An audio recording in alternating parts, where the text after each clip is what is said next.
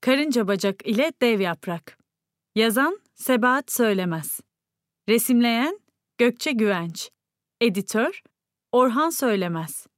Sürdürülebilir kalkınma amaçları. Döngüsel elektronikler. Danışmanlar TÜBİSAT, Meltem Bağdatlı, Selen Tener, Haluk Onay, Bengisu Evrensel. TEGEV, Devrim Uygan, Pınar Palamutlu, Elif Mert. İstanbul 2022. Seslendiren Melis Sezen. Şehrin dışında. Bulutlu bir gündü. Yağmur bardaktan boşanırcasına yağıyordu. Hava soğuktu. Bütün bunlar küçük çocuğun umrunda bile değildi çünkü çok üzülmüştü. Okul bitmişti. Karışık duygular içinde sınıfından çıkıp hemen kendini dışarı atmıştı. Kimseyle konuşmak istemiyordu. Gözünün kıyısında birikmekte olan gözyaşlarının akmasına ancak böyle engel olabiliyordu. İçindeki hüznü bastırmak için o kadar çok yürüdü ki sonunda kendini şehir merkezinden çok uzakta buldu. Etrafta kimsecikler yoktu. Her şeyden ve herkesten uzakta olmak ona iyi gelmişti. Yürüdükçe içindeki sıkıntının etkisinin azalmaya başladığını ve yavaş yavaş daha rahat nefes aldığını hissetti. Özgürlük. Evet. Belli belirsiz olan bu duygunun adı belki de buydu. Etraftaki boşluk, kimsenin olmaması, olumsuz düşüncelerinden onu biraz olsun uzaklaştırmıştı. Konuşmadan serbestçe dolaşmak iyi geliyordu. Nihayet birkaç gözyaşı damlasının da göz pınarlarından akmasına izin vermişti. Kafasını kaldırdığında karşısında kocaman bir bina gördü. Biraz tuhaftı. Daha önce bu binayı gördüğünü hatırlamıyordu. Ama belki de buraya daha önce gelmemişti. Belki de bir fabrikaydı. Belki değildi. Fabrika olduğunu düşündüren aslında binanın kocaman bacasıydı. Upuzun ve çok genişti. Ev bacalarından farklıydı. İçinde ne olduğunu merak etti. Etrafta kimsecikler de görünmüyordu zaten. O halde içinde kim vardı? Binanın etrafında dolaşmaya başladı. Tüm pencereler kapalıydı. Tek duyabildiği ses bacadan geliyordu. Oralarda bir yerde bir bank vardı. Ona oturdu ve gözlerini bacaya dikti. Birazdan inanılmaz bir şey gördü. Gözlerini ovuşturdu ama gördüğü şeyin hala orada olduğunu fark etti. Ne tuhaf bir şeydi. Bu binanın bacasından duman yerine, evet doğru görüyordu. Duman yerine çiçekler, ağaçlar, çikolata parçaları, gökyüzüne doğru uçan balıklar çıkıyordu. Bu hem tuhaf hem de eğlenceli bir şey diye düşündü çocuk. Ağlamayı bıraktı ve binanın içine girmeye karar verdi. Eğer bacadan ağaçlar ve çiçekler ve daha onlarca şey çıkıyorsa, içeride mutlaka ilginç bir şeyler olmalıydı. Bu onun gizli yeri olabilirdi. Bir çeşit sığınak. Varlığını kimsenin tahmin etmediği, sadece ona ait olan bir yer. Bu düşüncenin yarattığı heyecanla içeriye girmeye karar verdi. Günü nihayet anlam kazanmaya başlamıştı. Sürpriz. Çocuk önce bir kapı aradı. Bütün binanın etrafını dolandı ama hiçbir tarafında kapıya benzer bir şey göremedi. İçeriye mutlaka girmeliydi. O yüzden pencerelere yöneldi. Pencereler biraz yüksekti. O yüzden merdiven ya da ona benzer bir şey bulmalıydı. Ama nereden? O zaman aklına bir fikir geldi. Etraftaki taşlardan alıp üst üste koymayı düşündü. Birkaç tanesini sürükleyerek pencereye yakın duvara yanaştırmaya başladı. Bu biraz ağır bir işti. Çünkü o güçlü bir çocuk değildi ve pencereye tırmanabilmek için üst üste çok sayıda taş ve üstelik büyük olan taşlardan koymak gerekiyordu. Gerçekten zordu. Çok sayıda taş taşımasına gerek kalmadı. Çünkü tuhaf bir şey oldu. Sürükleyebildiği ilk taşı duvara yasladığında neredeyse düşüyordu. Aniden duvarda bir delik açılmıştı ve o da içeri düştü. Duvar sanki elastikti. Böylece çocuk içeriye başına bir şey gelmeden girmiş oldu. Binanın içinde hiç ışık yoktu. Bu biraz sorun yaratıyordu. Ama çocuk tam hiçbir şey göremediğini düşündüğü sırada etrafta ateş böceğine benzer bir böcek gördü. Böcek gelip başının üzerine kondu ve ona lamba görevini yaptı. Ne tuhaftı. Ama bu ışık sistemi çalışıyordu ve önemli olan da buydu. Sonra çocuğun aklından başka bir şey geçti. İçerisi gerçekten de soğuktu. Birden üzerine nereden geldiğini anlayamadığı bir mont buldu. Burası harika bir yerdi. Biraz tuhaftı. Evet. Ama bir şeyi düşündüğü anda o hemen gerçekleşiveriyordu. Neredeyse aklından geçmesine bile fırsat kalmadan gerçek veriyordu. Daha önce başına bu kadar sihirli bir şey hiç gelmemişti. Çocuk bu durumu daha iyi anlamak için bir deneme daha yapmaya karar verdi. Yüzünü gizlemek için bir maskesinin olmasını düşündü. Ve işte maske yüzündeydi. Yüzünü onu küçük bir Zorro gibi gösteren harika bir Venedik maskesi kaplıyordu. Bir kahramana dönüşmüştü. Dev. Aniden başını kaldırdı ve yukarıya baktı. Oraya gitmeye karar verdi. İçinden gelen bir ses tavan arasına bakmasını söylüyordu. Bildiğimiz bir tavan arası değildi bu. Sıradan bir kat gibi düz bir yerdi. Çocuk merdivenlerden yukarı çıktı. Sakin bir yerdi. Burada da kimsecikler yoktu. Çocuk bu tavan arasının kendi gizli köşesi olabileceğini düşündü. Etrafı merak edip incelemeye başladı. Aslında fazla da bir şey yoktu. Büyük demir bir sandık, hepsi bu. Sandığın kapağını açtı. İçinde birçok metal parçası buldu. Roma savaşçılarının kıyafetlerinin bir parçası gibiydiler. Hepsini sandığın dışına çıkarmaya başladı. Metal parçalar biraz tozluydu. Tamamını zemine boşalttığında bunların bir yapbozun parçaları olabileceğini düşündü. Onları birleştirmeye çalıştı. Yavaş yavaş tüm parçaların yerini bulmaya başladı. Ortaya bir robot vücudun çıkmaya başladığını hayretle gördü. Robotun tüm parçaları yerli yerine gelince tuhaf bir şey oldu. Metal vücut hareketlendi ve ayağa kalktı.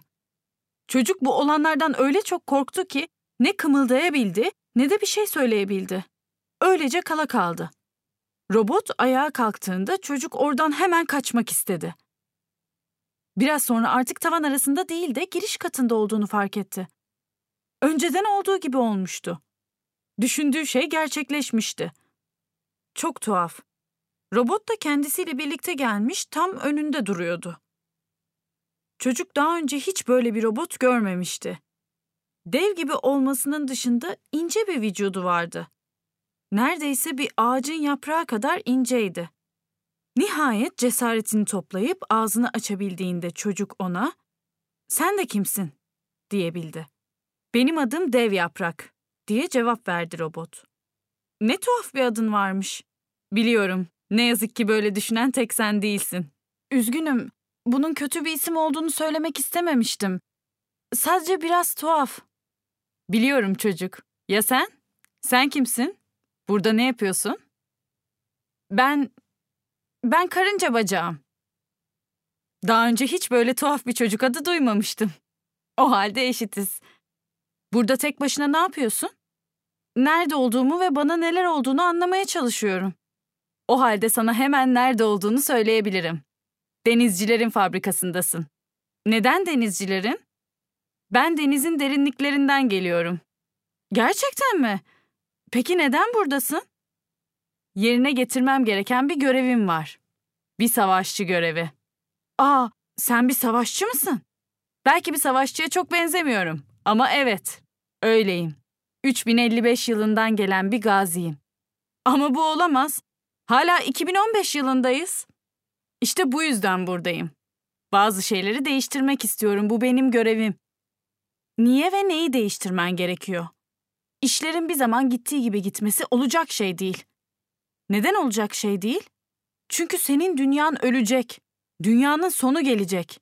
Ne zaman? 3000 yılından çok önce. Bu yüzden ben sizi kurtarmak üzere gönderildim. Tek başına mı? Evet. Bunu nasıl yapacaksın? Her şey yolunda gidiyordu, diye açıklamaya başladı dev yaprak. Bu deniz fabrikasını inşa ettim. Sen göremiyorsun belki ama bu fabrikanın duvarları denizden yapılmıştır. Bu yüzden içeri girebildin. Burada her şeyi değiştiriyorum. İnsanların çevreyi, geleceği düşünmeden ürettiği her şey güzel ve yararlı olarak çıkıyor. Buraya insanoğlunun ürettiği çirkin, zararlı şeyleri dönüştürmek üzere gönderildim. Peki bunu neden insanlar değil de sen yapıyorsun? İnsanlar genellikle geleceği görmezler. Sadece şu anı düşünürler. Daha sonra ne olacağını anlamadan O anda kendilerine gerekli olana sahip olmak isterler. Ben doğaya uygun olmayanları dönüştürüyorum.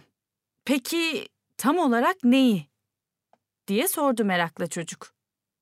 Haberci balıklar ülkeme gelip petrolden denizlerin ve nehirlerin olduğunu haber verdiler. Elektronik atıkların denizlerin, nehirlerin dibini doldurduğunu duyurdular. Haberci kuşlar dünyayı kaplayan ve koruyan yedi katmanın artık var olmadığını söylediler ve yeraltı fareleri de toprağın kimyasal ürünlerle ne kadar zehirlenip artık meyve veremeyecek durumda olduğunu, yakında ağaçların ve çiçeklerin açmayacağını ve hiçbir ürün vermeyeceklerini anlatmak için en uzun tünelleri yaptılar. Ama sen benim görmediğim şeyler söylüyorsun. Denizde balıklar, gökte kuşlar var ve ağaçlar meyve veriyor, çiçekler açıyor. Söylediklerin doğru değil ki. Bak çocuk, sen de bir insan olsun ve sana da doğanın gözleriyle görmeyi öğretmediler. Peki doğanın gözüyle nasıl görülüyor? Öğret bana, dedi karınca bacak. Gel, diye çağırdı dev yaprak çocuğu. Duvarın içine gir, dedi. Çocuk anlamadı ama sonra robota bakarak ayağını duvarın içine soktu. Fabrikanın duvarı göründüğü kadar ince değildi. İçeriye girdiğinde kendini kocaman bir nehir değil, deniz değil, belki dev bir akvaryumun içinde buldu. Biraz değişik bir akvaryumdu. Akvaryumdan yeryüzündeki her şeyi görmek mümkündü. Bu özelliğiyle sanki kocaman bir bardak gibiydi. Üzerinden geçen dalgaları duyabiliyor musun? dedi robot. Evet, dedi çocuk. Tuhaf bir duyguydu. Sana ne dediklerini dinle. Çocuk dalgaların nasıl dinlendiğini sormadı. Sadece sessiz kaldı ve biraz sonra sesler duymaya başladı. Bu sesler birçok deniz, gök ve yeryüzü hayvanının sesleriydi. Ama çocuk onların dediklerinden hiçbir şey anlamıyordu. Şimdi çık, dedi dev yaprak ve onu dışarı çekti. İçeride çok uzun süre kalamazsın, alışkın değilsin. Çocuk duvarlara büyülenmiş bir şekilde bakıyordu. Dışarıdan o kadar olağan görünüyorlardı ki. Bütün bu sesler ne diyorlar? diye sordu dev yaprağa. Yeryüzünde olup bitenleri anlatıyorlar. Hayvanların ne dediğini her zaman dinlemen gerek. Oysa insanlar uzunca bir süreden beri başkalarını dinlemeyi bıraktı. İşte bu yüzden sen de hayvanların dilini anlamadın. Peki sen nasıl biliyorsun bu dili? Benim ülkemde başkalarını dinlemek önemli. Dinleyerek birçok şeyi öğreniyorsun. Sabırlı ve saygılı olmayı da. Ben de bu dili öğrenmek istiyorum. Onların ne dediklerini anlamak istiyorum. Acele etme çocuk. Şimdi evine dönmelisin. Çocuk dünyanın geri kalanını tamamen unutmuştu ve ne kadar zaman geçtiğini bile bilmiyordu. Yarın tekrar gel. Sana habercilerin dilini öğreteceğim. Çocuk kapıyı aramaya gitmedi. Artık basit bir adım uzatma ile duvarı geçebileceğini biliyordu. Sonra da bugüne kadar gördüğü en tuhaf ama sevimli bulduğu robota baktı. Güzel düşüncelerin için teşekkür ederim, dedi dev yaprak. Çocuk o anda burada düşüncelerinin okunabildiğini hatırladı. Gülümsedi ve binadan ayrıldı. Evde. Eve döndüğünde babaannesini sofrada buldu. Saatin kaç olduğunu farkında mısın? Bu saate kadar nerelerdeydin? Seni çok merak ettim. Hadi git önce elini yüzünü yıka, ondan sonra da sofraya otur. Affedersin babaanne, dedi çocuk. Bilmediği metallere sürdüğü ellerini ve yüzünü güzelce yıkadı. Açıklama yapmadan masaya oturup sessizce yemeğini yemeye başladı. Yemekten sonra babaannesi, "Şimdi ödevlerini yapma zamanı. Sorumlulukları yerine getirmek gerek ve sonra da hemen yatağa. Biliyorum babaanne, sen merak etme." Çok bilmiş seni. Bir daha da bu kadar geç kalma. Meraktan öldüm, dedi babaannesi. Yüzündeki gülümseme çocuğun içini rahatlattı. Çocuk babaannesinin davranışına şaşırıp kaldı. Onu azarlamamıştı bile. İşte o anda azarlanmamayı dilediğini hatırladı. Yine de bunun sadece dilekten olup olmadığına emin olamadı. Kızıyor gibi davransa da babaannesinin ona karşı hep sevgi dolu olduğunu biliyordu. Başka bir şey denemeye karar verdi. Çalışma masasına oturdu, matematik defterini açtı. Büyük bir hayretle defterdeki tüm soruların çözülmüş olduğunu gördü. Yine o anda tüm ödevlerinin yapılmış olmasını ve rahatça uyumayı istediğini hatırladı. Yatağına gitti. Yatak çok rahat değildi. Bu esnada düşündüğü herhangi bir şeyin gerçekleştiğini hatırladı. Bunu hem ilginç hem de tehlikeli buldu. Böyle karışık duygular içinde yatakta hayallere daldı. Küre Ertesi gün karınca bacak, okuldan sonra dev yaprağı tekrar görmek için sabırsızlandı. Ondan yine birçok şey öğrenmek istiyordu. Koşar adımlarla fabrikaya vardı. Duvarın içine ayağını soktu ve içeri girdi. Fakat içeride dev yaprağı göremedi. Sağına soluna baktı ama dev yaprak hiçbir yerde yoktu. Sanki kuş olup uçup gitmişti. Bunun üzerine çocuk tavan arasına çıktı. Dev yaprağın tekrar sandığa dönmüş olabileceğini düşünerek sandığın içine baktı. Dev yaprak orada yoktu. Çocuk sandıkta daha önce fark etmediği bir şey gördü. Bu kristal bir küreydi. Nasıl olmuştu da onu fark edememişti? Küre gerçekten büyüleyiciydi. Kristal küre göz kamaştıracak derecede parlıyordu ve etrafı güçlü bir ışıkla aydınlatıyordu. Kürenin büyüleyici güzelliğine rağmen çocuğun içinden gelen bir ses ondan uzak durmasını söylüyordu. Fakat meraklı çocuk içindeki sesi dinlemeyerek küreye dokunmak istedi ve elini uzattı. O sırada kürenin içinden biri çocuğun elini kavrayarak kendine doğru çekti ve çocuk bir anda kendini kürenin içinde buldu. Kürenin içi bir buz deniziydi ve çok soğuktu. Biraz önce kürenin dışında gördüğü parlayan güzel ışık her yeri sarıyordu ve bu beyaz ışığın sonu yoktu. Çocuk şaşkınlıkla olup biteni anlamaya çalışırken "Kristaller ülkesine hoş geldin." dedi bir ses. Çocuk sesin geldiği yöne baktı ve kristal bir kraliçeyi andıran çok güzel bir kız gördü. Kız, "Doğru, ben kristal kraliçeyim." dedi. Düşüncesini okumuştu. Dev yaprakla beraberken de başına gelen bir şeydi bu. Kız konuşmaya devam etti ve "Merak etme. O düşüncesiz şapşal dev yaprağı bir daha görmeyeceksin." dedi. Çocuk, "Sen nereden tanıyorsun onu?" diyerek kıza karşılık verdi. Ben bilgelik kraliçesiyim. Her şeyi bilirim. Yeryüzünde ve ötesinde kristal ışığımla ulaşamayacağım yer yoktur. Bu özellikler senin ne işine yarıyor? diye cesaretle sordu karınca bacak. ne eğlenceli bir çocuksun sen böyle. İşime yarıyor, hem de nasıl.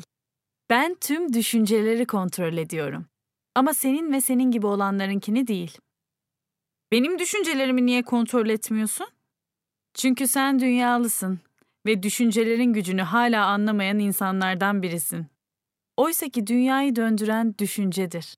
Sıradan insanlar seni ilgilendirmiyorsa beni niye buraya getirdin? Ben burada durmak istemiyorum. Ülkeme dönmek istiyorum. Ah çocuk, huysuzluk yapma. Seninle oyun oynayacak vaktim yok. Ama sen geri dönemezsin. Çünkü şu düşüncesiz şapşal dev yaprak sana göstermemesi gereken pek çok şeyi gösterdi. Sonra bana sormadan sana düşünce gücünü verdi. Bu nedenlerden dolayı hiçbir yere gidemezsin artık. Anladın mı? Doğrusu çocuk pek de iyi anlamıyordu. Yani bir tutuklu mu olacaktı, ömür boyu burada mı kalacaktı? Aynen öyle, dedi Kristal Kraliçe. Sen benim tutsağımsın ve daima öyle kalacaksın. Ama ben sadece bir çocuğum. Hayır, sen herhangi bir çocuk değilsin. Sen kendisine düşünce gücü hediye edilmiş bir çocuksun ve buradan asla ayrılamazsın. Her zaman denetim altında olmalısın. Bir düşünceyle ne yapabilirim ki? diye sordu çocuk. Bir tek düşünceyle dünya değiştirilebilir çocuk. Yazık ki sana bunu kimse öğretmemiş. Neyse, şimdi uyu. Çocuk bu emri pek anlayamadı. Etrafta uyuyabileceği uygun bir yer ararken önünde kristalden kocaman bir yatak buldu. İstemese de yatağa uzandı. Ne yapacağını düşünmek istiyordu. Kimdi bu kristal kraliçe ve ondan gerçekten ne istiyordu? Her zaman burada mı kalacaktı? Bir çıkış yolu yok muydu? Çocuk kafasında bu sorularla boğuşarak uykuya daldı.